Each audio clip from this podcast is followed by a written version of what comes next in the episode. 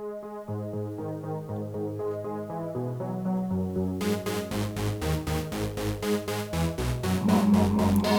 RFSL. Från RFSL Malmö.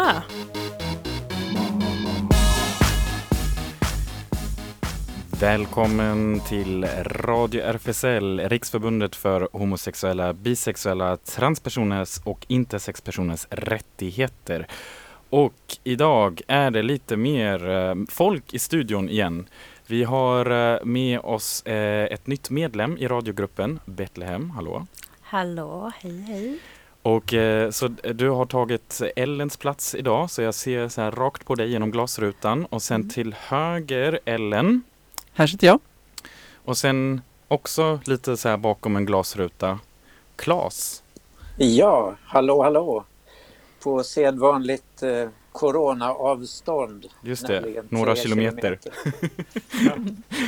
Yes, eh, idag ska vi dessutom få, eh, får vi ännu en till gäst eh, i studion via telefon. Eh, eller hur Ellen? Ja, precis. Eh, Det blir Jasmin som ringer in från eh, Afrosvenskarnas forum för rättvisa. Just det. Eh, Och vi har eh, veckans guldkorn eh, som du ska presentera, Bertlehem. Mm. Vad blir det? Det är en bok, Homegoing heter den, av Yagashi. Kommer prata om den om en stund. Och ja, och sen eh, såklart i sedvanlig ordning det också, nyheter och eh, det händer förstås. Eller hur? Så ehm, jag kom ihåg faktiskt förresten att eh, i, jag tror det var i förrgår eller någonting, när en av mina studenter, jag har ju så distansundervisning och det var en av mina studenter som satt i Hässleholm och där var det 27 grader. Och jag kände, det var väldigt, kändes väldigt orättvist att det skulle vara så mycket varmare i Hässleholm än i Malmö. Igår? Ja, ja, eller i förrgår tror jag var. Jaha, för Ja. igår var väldigt varmt tyckte Ja, jag. det, det, då blev det varmt här också. Mm. Men sen eh, så fick jag se till och med Uppsala och Stockholm fick en sån eh, rejäl sommarvärme. Ja, det såg jag också. Mm. Men Malmö, Malmö blåser alltid, eller hur? Än så länge. Det är ju så jäkla torrt. Så nu när de säger på väderrapporterna då att åh, det finns chans till solsken så blir jag åh, jag vill ha regn. Lite regn i alla fall. Jag var fa- faktiskt igår eh, nästan hela dagen på en eh, kompis kolonilott. Och hon eh, gnällde också lite över bristen på regn för att hon fick gå så många varv fram och tillbaka konkandes på stora vattenkannor och vattnade gräs och vattnade allt. Just det. Ja, man får inte glömma att vattna sig själv också. Nej, det är viktigt. Eller hur? Men vi börjar med lite musik. Like a Hunger, Wilmar Arker och Amber Mark.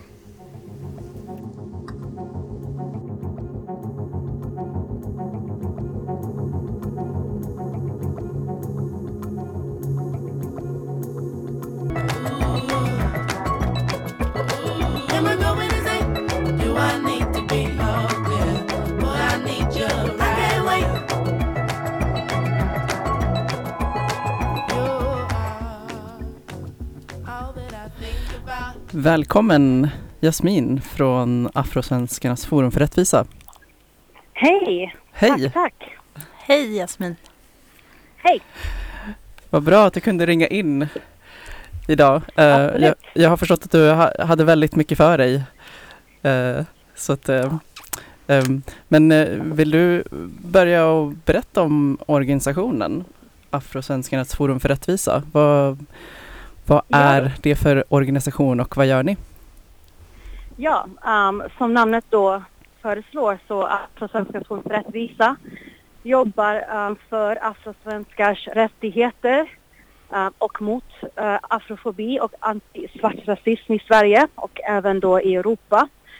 Ehm, ja, så det är väl det vi håller på med och vi är då en, eh, en eh, volontärbaserad organisation ehm, som arbetar ideellt och driver de här frågorna på olika, olika sätt som vi kan i samhället. Mm. På, vilka, på vilka konkreta sätt gör ni det? Kan du ge exempel på det? Absolut. Eh, En del, en eh, del handlar ju då om att försöka driva de här frågorna eh, när det gäller liksom ledare i samhället, eh, myndigheter och så, som försöker representera de här frågorna, föra fram dem. En annan del har att göra med att mobilisera afrosvenskar i samhället och skapa community som vi säger genom olika sorters evenemang. Um, vi har både liksom evenemang för att bygga en känsla av samhörighet, ett tryggt eh, ställe för folk att samlas och uttrycka vad de eh, behöver, vad de anser är problemen i samhället och sen försöker vi också då liksom arbeta utåt Mhm. då för att försöka ta eller eh, skapa åtgärder då för de problem som vi ser. Men hur, eh, hur, hur har ni mottagits av till exempel myndigheter och hur har reaktionerna varit? Ja, det har ju berott lite på. Um, I allmänhet har vi haft ganska bra samarbete ska jag säga. Men en sak som man såklart um, ser är att uh, det, jag tänker att det finns en stor skillnad uh, mellan hur till exempel kulturellt baserade organisationer eller invandrarbaserade organisationer bemöts jämfört med sådana som väldigt eh, klart jobbar mot rasism. Då är det ibland att man anses vara lite fientlig eller kanske för eh, provocerande och då har man ibland eh, mindre tillgång till vissa saker. Det här är, tror jag speciellt relevant nu när vi ser det offentliga rummet, alltså civilsamhället krympa och krympa. Eh, man ser ännu mindre eh, pengar till exempel eh, som eh, stö- ännu mindre stöd för um, civilsamhällsorganisationer och då speciellt de som um, jobbar antirasistiskt medan kanske den här ah, organisationen som jobbar allmänt om mänskliga rättigheter och jämlikhet men inte kanske direkt Mm. med antirasism um, ibland får företräde. Så det, det är komplicerat ska jag säga. Ja, men jag, alltså jag, jag, jag tänker också det för jag är själv svart och jag känner att vi hela tiden, alltså som svart motarbetas man hela tiden. Känner du det liksom hela tiden eller finns det någonstans där det känns bara yes, nu är det liksom, nu är, är vi på rätt väg? Alltså jag tror nog att vi, jag måste ärligt säga att vi nog känner av det här motarbetandet. Mm. Eller att man kanske, man blir inbjuden att samarbeta men om man gör det på andras villkor så att säga. Att Mm. vi får sällan, vi blir sällan inbjudna för att sen liksom få bestämma hur saker ska, ska gå till. Mm. Men det finns ju såklart eh, de få allierade som verkligen vill stötta det vi gör och vill lyssna på oss. Men jag skulle säga att den största solidariteten kommer från andra um, afrosvenska organisationer, från andra rasifierade organisationer, från arbetarrörelsen, liksom från ganska så här jordnära organisationer. Um, med dem har vi haft väldigt bra samarbete, framförallt um, i Malmö då, vi är baserade. Där vi jobbar uh, väldigt mycket med ABF, med hela Malmö, uh, Vänsterpartiet och så vidare. Men vad kan, vad kan, vad kan allierade göra bättre? Vad, hur kan vita människor stötta vare sig det är individer eller organisationer som vill finnas där för till exempel Afrosvenskarnas riksförbund? Um, ja, så vi är ju nu då Afrosvenskar för Ja, rättvisa förlåt. medan Afrosvenskarnas eh, riksorganisation som det heter nu är um, skild organisation. Men vi jobbar mycket med dem också så det är inget problem, eh, absolut. Um, alltså en sak som um, jag tänker vita människor som individer absolut väldigt gärna får göra är att just stötta vår organisering. Mm. Att stötta oss finansiellt till exempel, um, både Afrosvenskar Forum för rättvisa och som du nämnde Afrosvenskarnas riksorganisation um, lider ju av det här att vi inte får så mycket bidrag. Um, till exempel kan man ju donera, man kan, eh, man kan stödja oss finansiellt. Man kan ju också stödja oss genom våra digitala kampanjer, man kan stödja oss genom att vara med på manifestationer som vi arrangerar. Man kan stödja oss genom att prata helt enkelt, diskutera med sina vänner, kollegor, eh, barn, föräldrar, alltså släktingar, alltså faktiskt prata om rasism och framförallt om afrofobi i Sverige. Um, för att då kunna förbättra liksom, jag tänker så här, allmänna medvetenhe- medvetenheten om dessa problem. Jag tänker man kan rösta enligt det här också när det gäller politiken Mm. alltså. Att tänka på vem man röstar på och vem, vem det är som um, ens politiska val skapar konsekvenser för.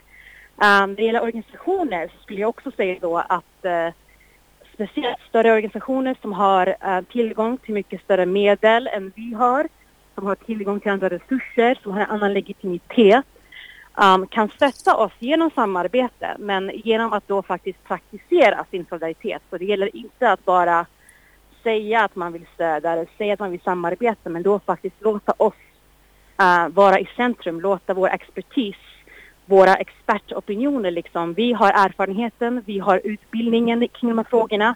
Att då faktiskt tro på oss och anlita oss um, som experter istället för att uh, bjuda oss in uh, i ett samarbete men sen ändå marginalisera oss genom processen. Så jag tänker det är väldigt viktigt för allmänhet uh, eh, när det gäller samarbete med uh, organisationer som representerar de som är mest utsatta i samhället.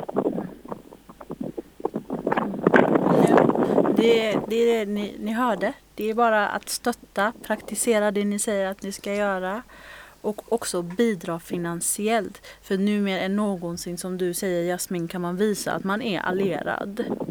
Absolut. Och hur känner du då? Blir du inte trött och utmattad på det som pågår både i USA och det viss motstånd som vi har sett här i Sverige?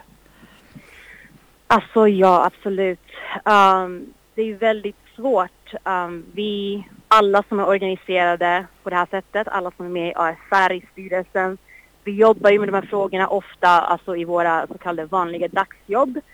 Uh, samtidigt som vi jobbar med de här frågorna ideellt, samtidigt som vi också upplever de här uh, problemen på en väldigt personlig nivå. Så man, man upplever liksom det här hela tiden, varje dag och får sällan en paus från det hela. Så det är väldigt utmattande. Det är utmattande att se vad som händer i USA.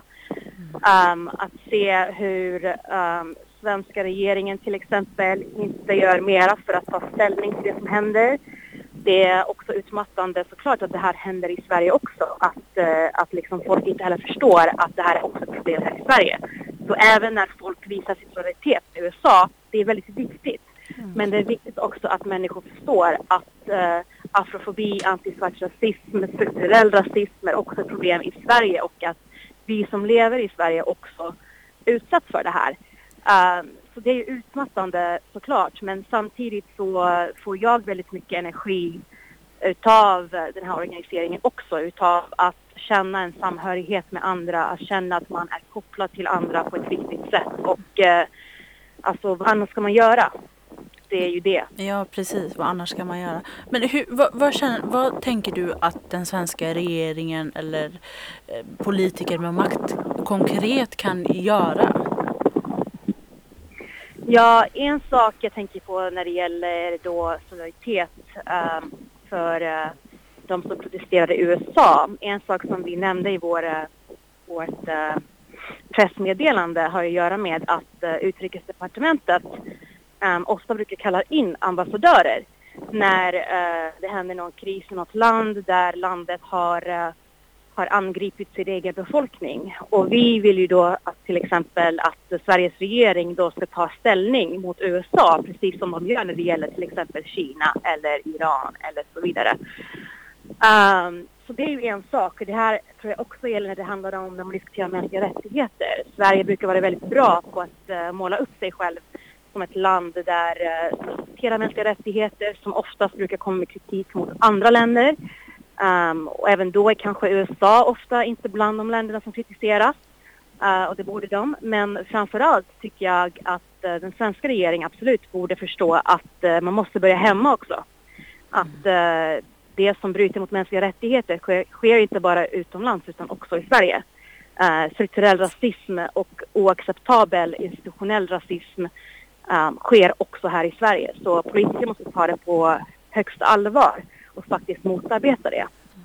Men jag tänker också ofta väldigt mycket på att det känns som vi svarta alltid måste säga till, lära människor fast det finns så mycket information i det här samhället som vi lever i. Internet, har man inte internet hemma så finns det ju på biblioteket. Jag kan känna att det ibland blir att vi kanske jobbar mot oss själva samtidigt som vi måste göra det jobbet åt alla andra också. Vad, vad, känner du? Hur känner du att människor kan ta till sig information på ett bättre sätt än att fråga kanske svarta individer eller svarta vänner eller svarta vänner? Är det det här med att kanske gå till er organisation och fråga er eller hur, hur, tänker, hur tänker du eller hur tänker ni där? Jag kan säga att som individ så känner jag ju absolut igen mig i det du säger. Att man blir utmattad av att alltid känna att man måste vara den som upplyser andra, som förklarar gång efter gång varför någonting är viktigt, hur någonting fungerar. Man får frågor om, ja men finns rasism egentligen? Är det inte lika illa mot vita? Liksom man får sådana frågor som man känner man måste liksom, alltså måste man ta det här igen? Och då absolut tycker jag att det största ansvaret ligger ju på de som är icke-svarta, de som inte är rasifierade som, um, eller de som rasifieras som vita ska jag säga. De har ansvaret då att faktiskt försöka lära sig själva och söka fram sig till informationen. Och man får såklart um, nå ut till oss och andra organisationer. Vi får ofta frågor om det. Men även då tänker jag att vi jobbar ideellt. Vi är inte uh, vi är inte liksom, vår största mission är inte att utbilda vita människor kring det här. Vi kan ge folk resurser. Men idag finns det ju så mycket till exempel på nätet. Man kan googla sig fram. Det finns en massa som har skrivits om det här. Uh, så man kan liksom söka sig fram till ganska mycket information riktigt själv. Mm. Och då tycker jag också att det är väldigt viktigt för vita som anser sig själva vara allierade.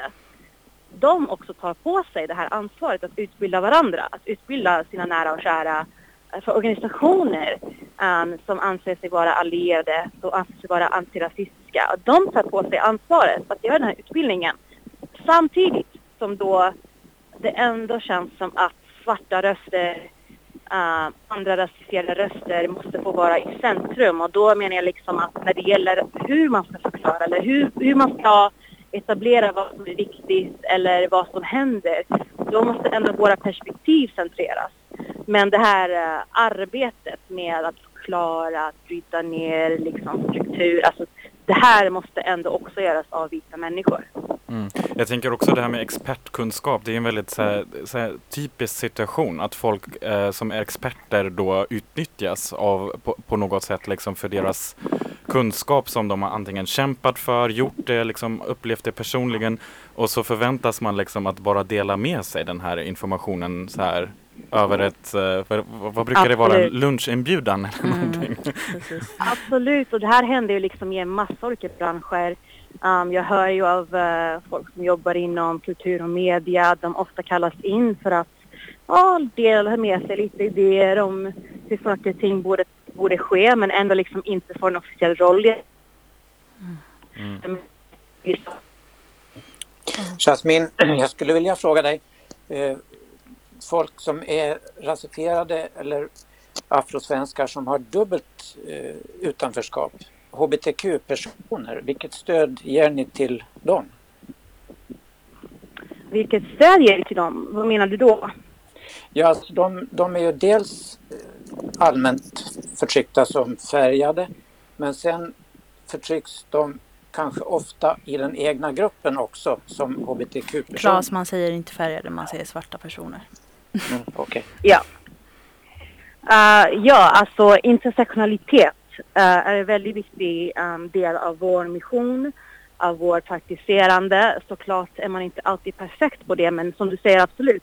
Alltså ingen av oss är bara svarta, bara kvinnor eller män, bara hbtq-personer, bara alltså, svenska medborgare, invandrare. Vi har alla en massa olika, inte bara identiteter, men vi alla ehm, um, njuter av strukturella uh, privilegier eller strukturella liksom, um, ojämlikheter på olika sätt. Um, så det är väldigt viktigt att också förstå att såklart är afrosvenskar, svarta personer är inte en homogen grupp. Mm. Allting finns inom det. Vi är muslimer, vi är kristna, vi är hbtq-personer, vi är eh, funkisar, vi är invandrare, vi är papperslösa. Alltså det allting, allting är såklart integrerat. Så tanken för oss, åtminstone missionen, är ju att jobba för alla svarta människors rättigheter. Alla svarta människors likvärdighet i samhället. Mm. Så det är en viktig del av eh, missionen såklart.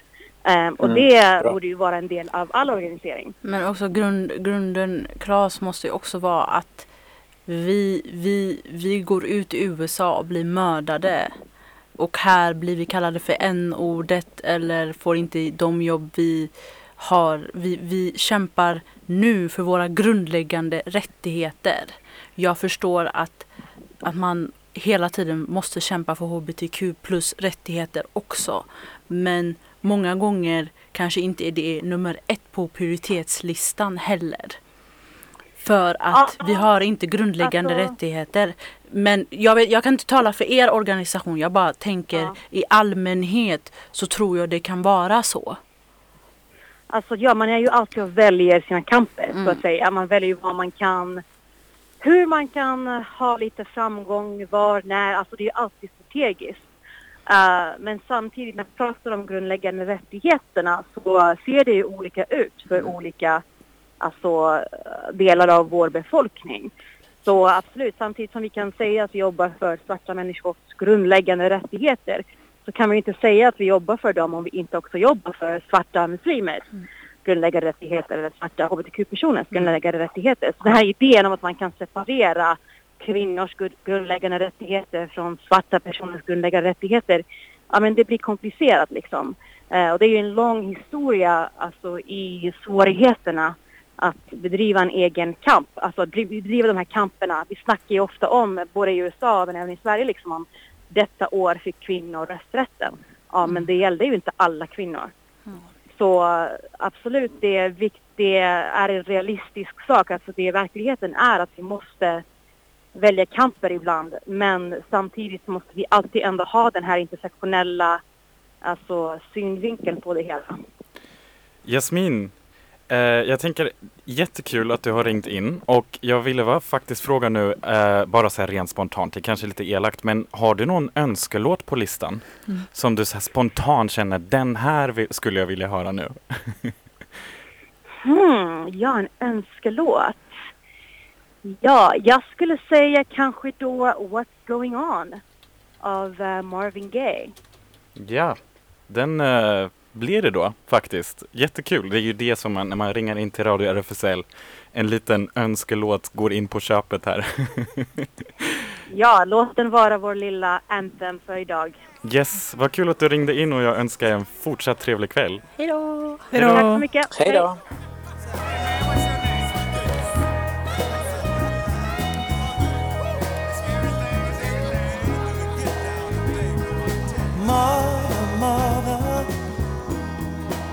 There's too many of you crying.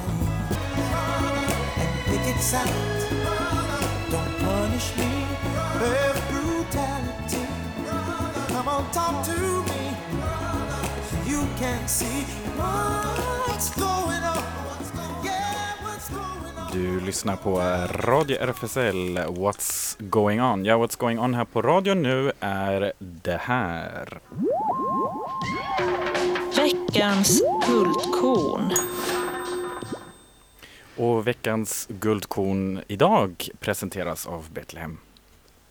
Ja, jag eh, ska presentera den här boken som heter eh, Homegoing. eh, Eller Vända hem på svenska. Skriven av Yagashi, en svart kvinna som bor i USA. Eh, Och den här boken handlar då om två, generation, eller två halvsystrar på 1700-talet som levde i Ghana. Eller det är ju en fiktion men eh, ja, de levde i Ghana och den eh, ena systern eh, skeppades till USA och blev förslavad. Och den andra systern stannade kvar i Ghana. Och då får man då får, då får man eh, följa de här två systrarna eh, i generationer. Så först får man följa eh, hur, de, hur de skiljs åt. Eller de kände inte varandra för att vara ärlig. Men eh, en stund i boken så bor de, eh, den, den eh, systern som förslavas bor under det slott som den ena systern eh, bor i som är gift med en vit man då. Eh, en engelsman som är där som eh, handlare eller businessman som det heter. Eh, och när, hon, när den ena systern skeppas till USA så får hon inte längre prata till språk. Hon får barn och familj men lever ett väldigt hårt liv och minns hela sitt liv, sin barndom i Ghana, sitt språk, för hon skeppades som tonåring. Ehm, och sen så får man eh, följa hennes syster också som är kvar i Ghana. Och så får man följa deras barn, deras barns barns barns barns barn i åtta generationer. Eh, och den är helt fantastisk på alla sätt. Jag slukade den på tre dagar. För jag Låter kunde- som en tjockbok. Alltså den är, den är verkligen så galen för att man verkligen förstår hur, hur kolonialismen förändrade hela Afrika och afrikaner.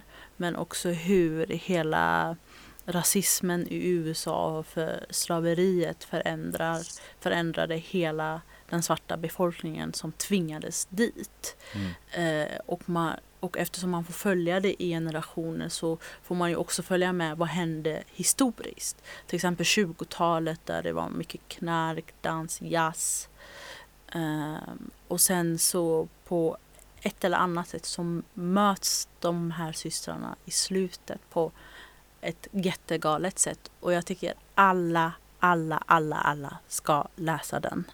Den är helt, helt fantastisk. Det, är också, det låter som en bok som, som riktigt typisk bok som man inte skulle kunna lyckas att göra en film av, eller hur? Ja, det känns ju så. Fast jag, jag som stor läsare tycker egentligen inte böcker borde, eller vissa böcker borde inte filmatiseras för Eller det, det Ja. skulle aldrig kunna gå. Nej. Det är, Just- så, det, är för, det är för stort, det är för påtagligt ibland. Mm. Så, mm. Den låter lite grann som Alex Haleys Roots. Hur, eh, om du jämför de två. Roots, eh, det var den tv-serien va, som gick också? Ja, det var ju en bok först. Ja, av nej den har, jag, Alex. den har jag inte läst. Jag har bara sett Okej. serien. Så den har jag faktiskt Okej. inte sett. Men jag gillade, jag gillade verkligen serien och tyckte den var väldigt hemsk. Ja. Nu tänker jag med boken faktiskt, eh, annars eh, Ellen har ju presenterat en väldigt mycket eh, eh, så här, filmer som man då kan få tag i på olika sätt. Vad tror du, tror du att så här, jag vet inte, biblioteken har den på gång? Ja, ja, det, det, det, Ett vore måste, konst, liksom. det, det Eller hur? konstigt annars. Annars får man ju alltid ge dem lite tips för, på sin inköpslista Ja, också. verkligen, verkligen. Eller som e-bok eller som, ja, Mm, precis. Definitivt. Eh, just det, nu var det du faktiskt som valde nästa låt tror jag. Eh, eller jag har i alla fall Solange här på min lista nu. Ja, det Mm. var jag som valde den. Don't touch my hair. When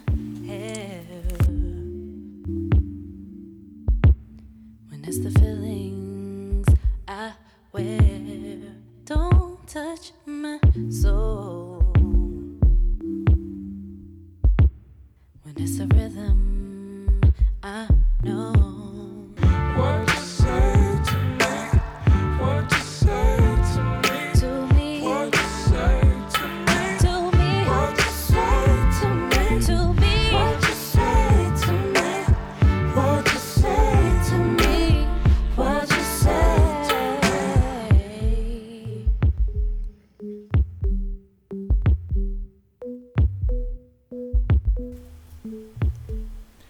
Solange Don't touch my hair och du lyssnar på Radio RFSL där det har blivit dags för nyheter.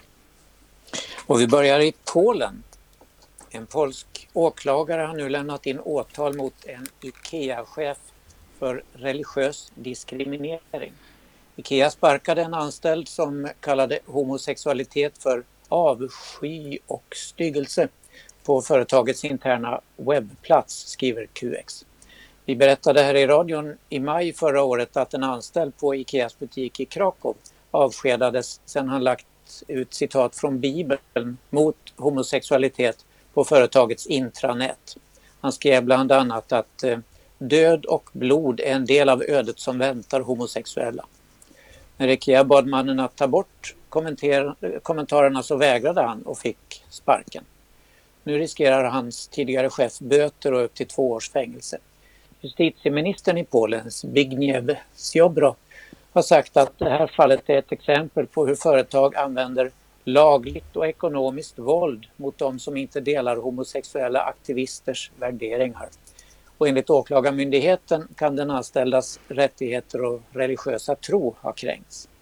Polens regeringsparti, Lag och rättvisa, har uttalat att hbtq-ideologin är en tumör med utländskt inflytande som undergräver traditionella värden i detta strängt katolska land. Men Annika Molin som är pressansvarig på Ikeas Inka-grupp, gruppen som ligger bakom Ikea sa i samband med avskedandet Delar man inte våra värderingar är inte Ikea rätt ställe att arbeta. Vi står upp för våra värderingar och kompromissar inte med dem.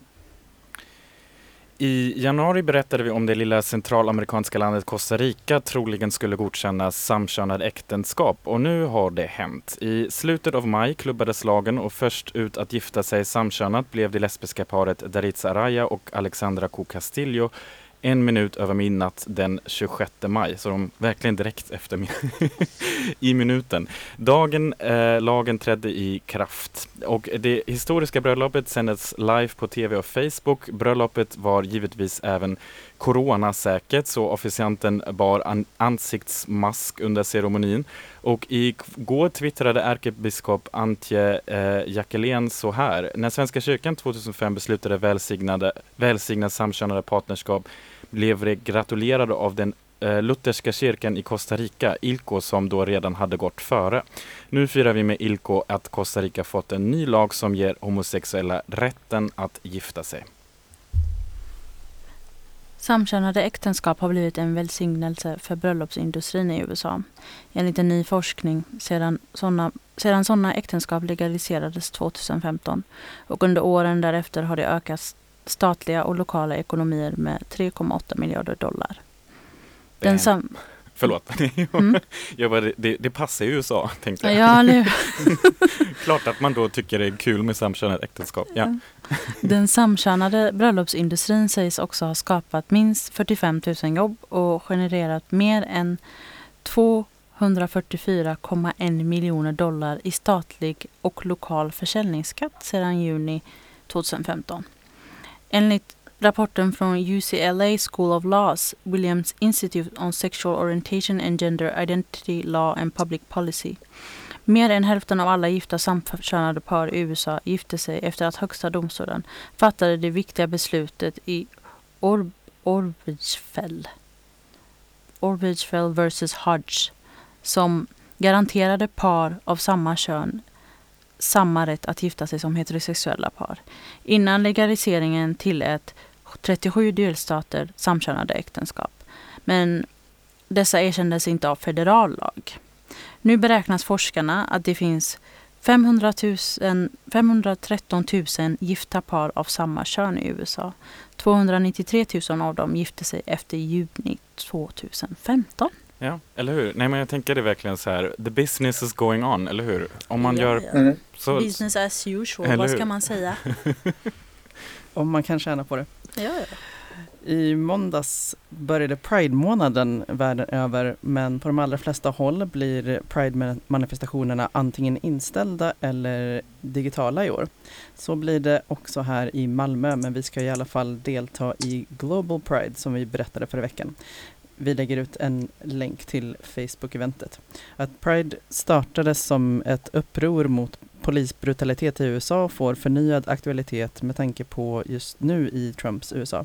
Vi lägger ut en länk till en mycket läsvärd bakgrundsartikel publicerad i juni 2019 i brittiska The Guardian.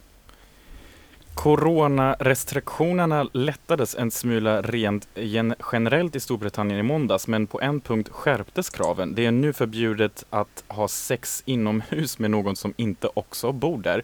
Men kritiker ser en massa problem med den nya lagen. Den är till exempel inte antagen av eh, parlamentet. Den ger inte polisen rätt att ta sig in i hus och kolla. Den skulle kunna öppna för sexköp i hemmen. Ja, det blir ju, alltså jag tänker på en rad konstiga nya lagstiftningar som kom upp nu med Corona, inte bara i Ja, Storbritannien. verkligen. Och så att det är så beskrivet att det ska vara inomhus. Då tänker man ju som gammal bög att ja, men då går vi ut i parken istället. Just, det. Just det, om man då har trädgård, Claes. Särskilt där är Ja, det jag nu, det är ju varmt också park. så det är bara oh, Just det. Mm. cruising. Cruising, Mm. yes. Eh, just det. Ehm, ja, Nya Zeeland. Jaha, Georgina Bayer som 1999 i Nya Zeeland blev den första i något av världens parlament att vara öppen transperson har nu tilldelats en order av drottning Elisabeth för sina insatser till förmån för hbtq-samhället. Beyer, som idag är 62 år, satt för Labour Party i Nya Zeelands parlament tre mandatperioder från 1999 till 2007. Under sin politiska karriär kämpade hon framgångsrikt både för att transpersoner ska skyddas från diskriminering inom lagen för mänskliga rättigheter och för att par av samma kön skulle få ingå partnerskap. Redan innan parlamentstiden var hon känd som offentligt öppen transperson när hon valdes till borgmästare i staden Carterton 1995. Hon är dessutom en av väldigt få tidigare sexarbetare att väljas till offentliga ämbeten. Den brittiska drottningen är faktiskt också drottning av Nya Zeeland. Hon representeras av en generalguvernör där. Och i sin Birthday Honours List hyllar drottningen varje år personer i Nya Zeeland som väl har tjänat sina befolkningsgrupper och åstadkommit någonting speciellt. Claes, jag tror att jag ska också börja med en sån, eh, vad heter det, honors, birthday honors list, för jag fyllde ju för inte så länge sedan. Oh, grattis i efterskott. Ja, Nej, det var inte därför jag Vem sa det, men jag du? tänkte bäst, så här, i, ef- i efterhand så här, ja, gör, göra det så, så här, ja, här är min birthday honors list. Ja, vilken bra idé. Nu, Ja, du ger mig, du ger mig massa bli. idéer nu. ja, Eller Queen Elizabeth. eller hur? Jag tänker också, ju- nästa gång blir det så här, i, i Malmö kommer jag börja, sen, jag satsar stort dock. Hoppas jag är inbjuden. Ja, on, honor guests, Ja, eller hur? Ja, det får, få- det får, få, få vara flera. Yes, ehm, sen är det ju så, um, Claes, att du har en liten historia bakom nästa låt också, eller hur? Som vi skulle spela. Sebastian Ja, Valdén. Sebastian Valdén. Mm. Han eh, vann ju Idol och han har nu skrivit en låt som heter Trög. Märkligt namn på en låt. Tillsammans med Adam Englund och det är som QX skriver då en vacker pianoballad om att inte kunna ta sig ur ett destruktivt förhållande. Och den var tydligen väldigt känslosam för Sebastian att skriva. Han fick tårar i ögonen när han sjöng in den. Vi kan väl höra hur den låter. Just det, så får vi avgöra hur, hur, hur trög den är, eller? Ja.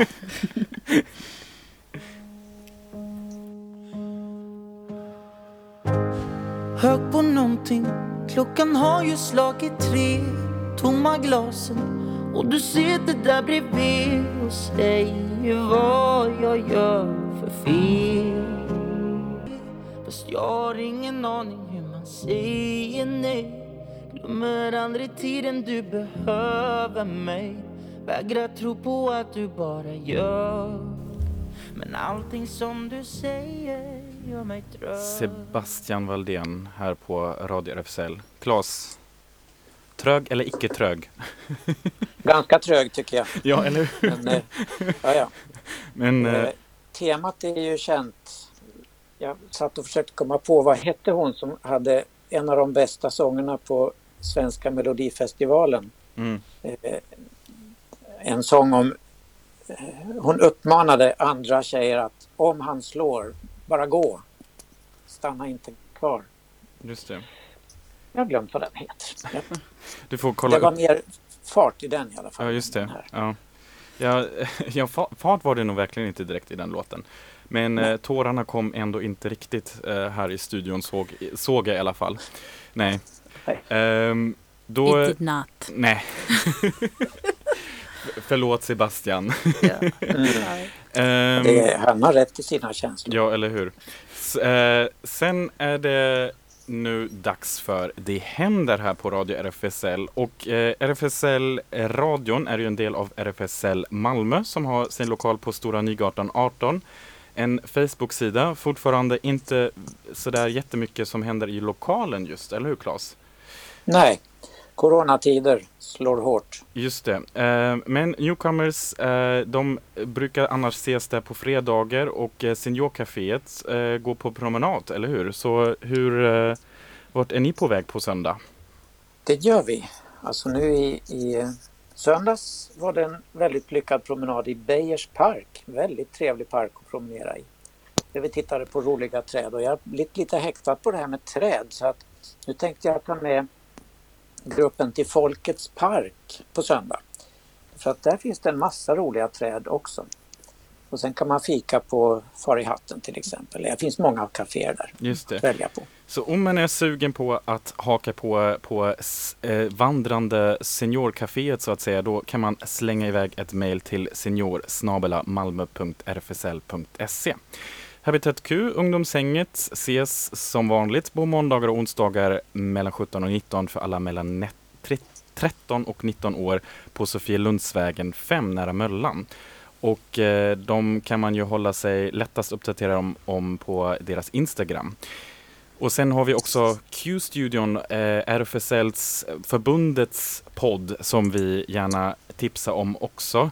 Eh, som man kan hitta lättast genom att googla på Q-studion RFSL eller på RFSLs hemsida. Och eh, de blir jätteglada över fler lyssnare. Och så kan vi också hänvisa i egen sak igen att även vår egen sändning då läggs alltid upp som podd i efterhand och numera hittar man oss även på Spotify. Och eh, RFSL eh, förbundet bjuder också in till en filmträff minsann. A Secret Love.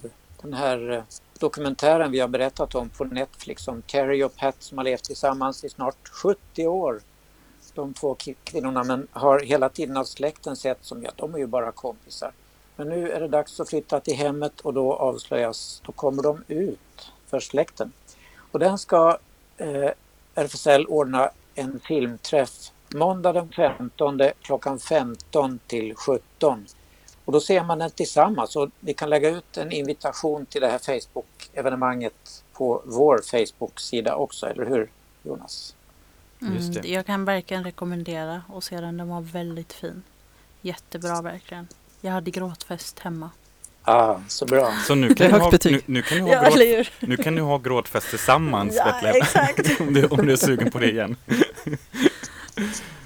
Yes. Och sen har vi en jäkla massa eh, manifestationer nu på gång. Eller är det verkligen så många? Ja, det var ju nu i Stockholm till exempel. Och det sades ju att det skulle komma 50 personer fick vara där. Men det är ju fullt på Sergels torg har jag sett och skickat bilder. Och ehm, här i Malmö så kommer det anordnas eh, tyst aktion i solidaritet med Black Lives Matter. Och eh, den är ärrad av Aktivista Feminista eh, och RFSL Malmö kommer att medverka och det är på tisdag 9 juni klockan 17 till 17.30 på Möllevångstorget. Eh, och det här är ju då på grund av att eh, den afroamerikanske mannen George Floyd avrättades av en vit polis. Precis som så många svarta män och kvinnor i USA. Och demonstrationerna har väckts till liv i många delar av USA där polisen och militärer fortsätter använda övervåld mot den svarta befolkningen. Våldet mot svarta finns överallt och Sverige kan säga hur mycket det än vill över hur snälla och färgblinda de är. Hur, anti, hur deras antirasism är något som andra länder borde lära sig av. Men sanningen är att så som i USA har den svenska polisen upprepade gånger misshandlat svarta kroppar, misshandlat gravida kvinnor, barn och ungdomar. Så rasismen, det institutionella våldet finns i Sverige också. Så det är dags att visa solidaritet med Black Lives Matter, med demonstrationerna i USA. Visa att vi står tillsammans mot rasismen som våra kamrater har behövt leva med sedan 500 år tillbaka. Och det här är då instruktionerna. Eh, ha gärna på dig svarta kläder, ha på dig en mask, ha på dig handskar. Håll en meters avstånd från varandra. Ta med eget plakat, eh, egen plakat. Och det är en tyst aktion. Eh, och sen tror jag i och för sig några kommer, någon kommer ju säga något såklart. Men för det mesta kommer det vara en tyst aktion. Mm. Och det är 17.00 på Möllevångstorget. Så kom och visa solidaritet. Just det, och det är också, man kan ju hitta nu lite inspirationsbilder faktiskt på nätet att hur man, när man är på manifestation i coronatider, det går utmärkt att ha avstånd med varandra. Det, är lite så här, det blir lite som det är ut nät Mm. liksom ute på gatorna. Definitivt. Jag menar, jag tycker så här om folk kan dricka öl och dricka vin och prosecco ute på uteserveringarna så kan man också komma och visa solidaritet tycker jag. Yes. och eh, imorgon så eh, eh, klockan 18 till 20 är det eh, Malmö Support Black Lives Unite Against Inequity på Stortorget. Eh, och eh, det står så här på eh, engelska att oj, det, är redan, det börjar redan med en uppdatering.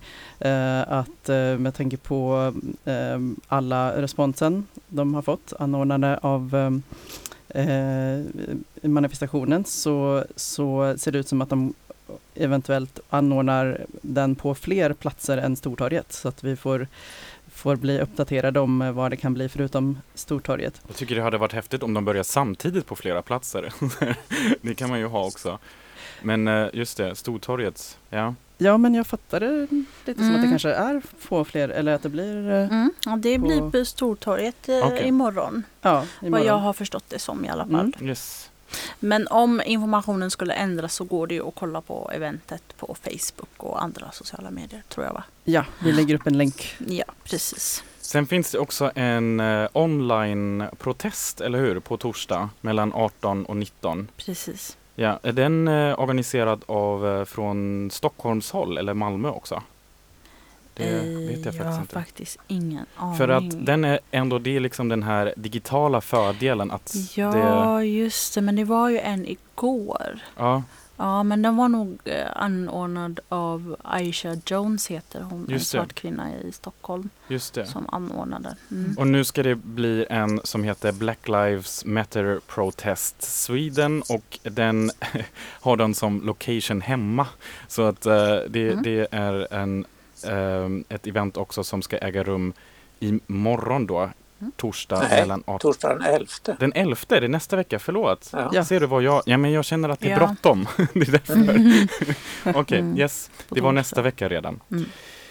Sen som vanligt, eh, SLM Malmö har också sin klubblokal fortfarande på Sallerupsvägen 30, slmmalmö.se. De kör som vanligt, enligt hemsidan i alla fall, Eh, för bara män vanliga lördagar klubbkväll, vanlig kläd, klädkod, insläpp mellan 22 och 24 och tisdag har de pub mellan 22 och mellan 20 och 22 gratis för medlemmar utan klädkod.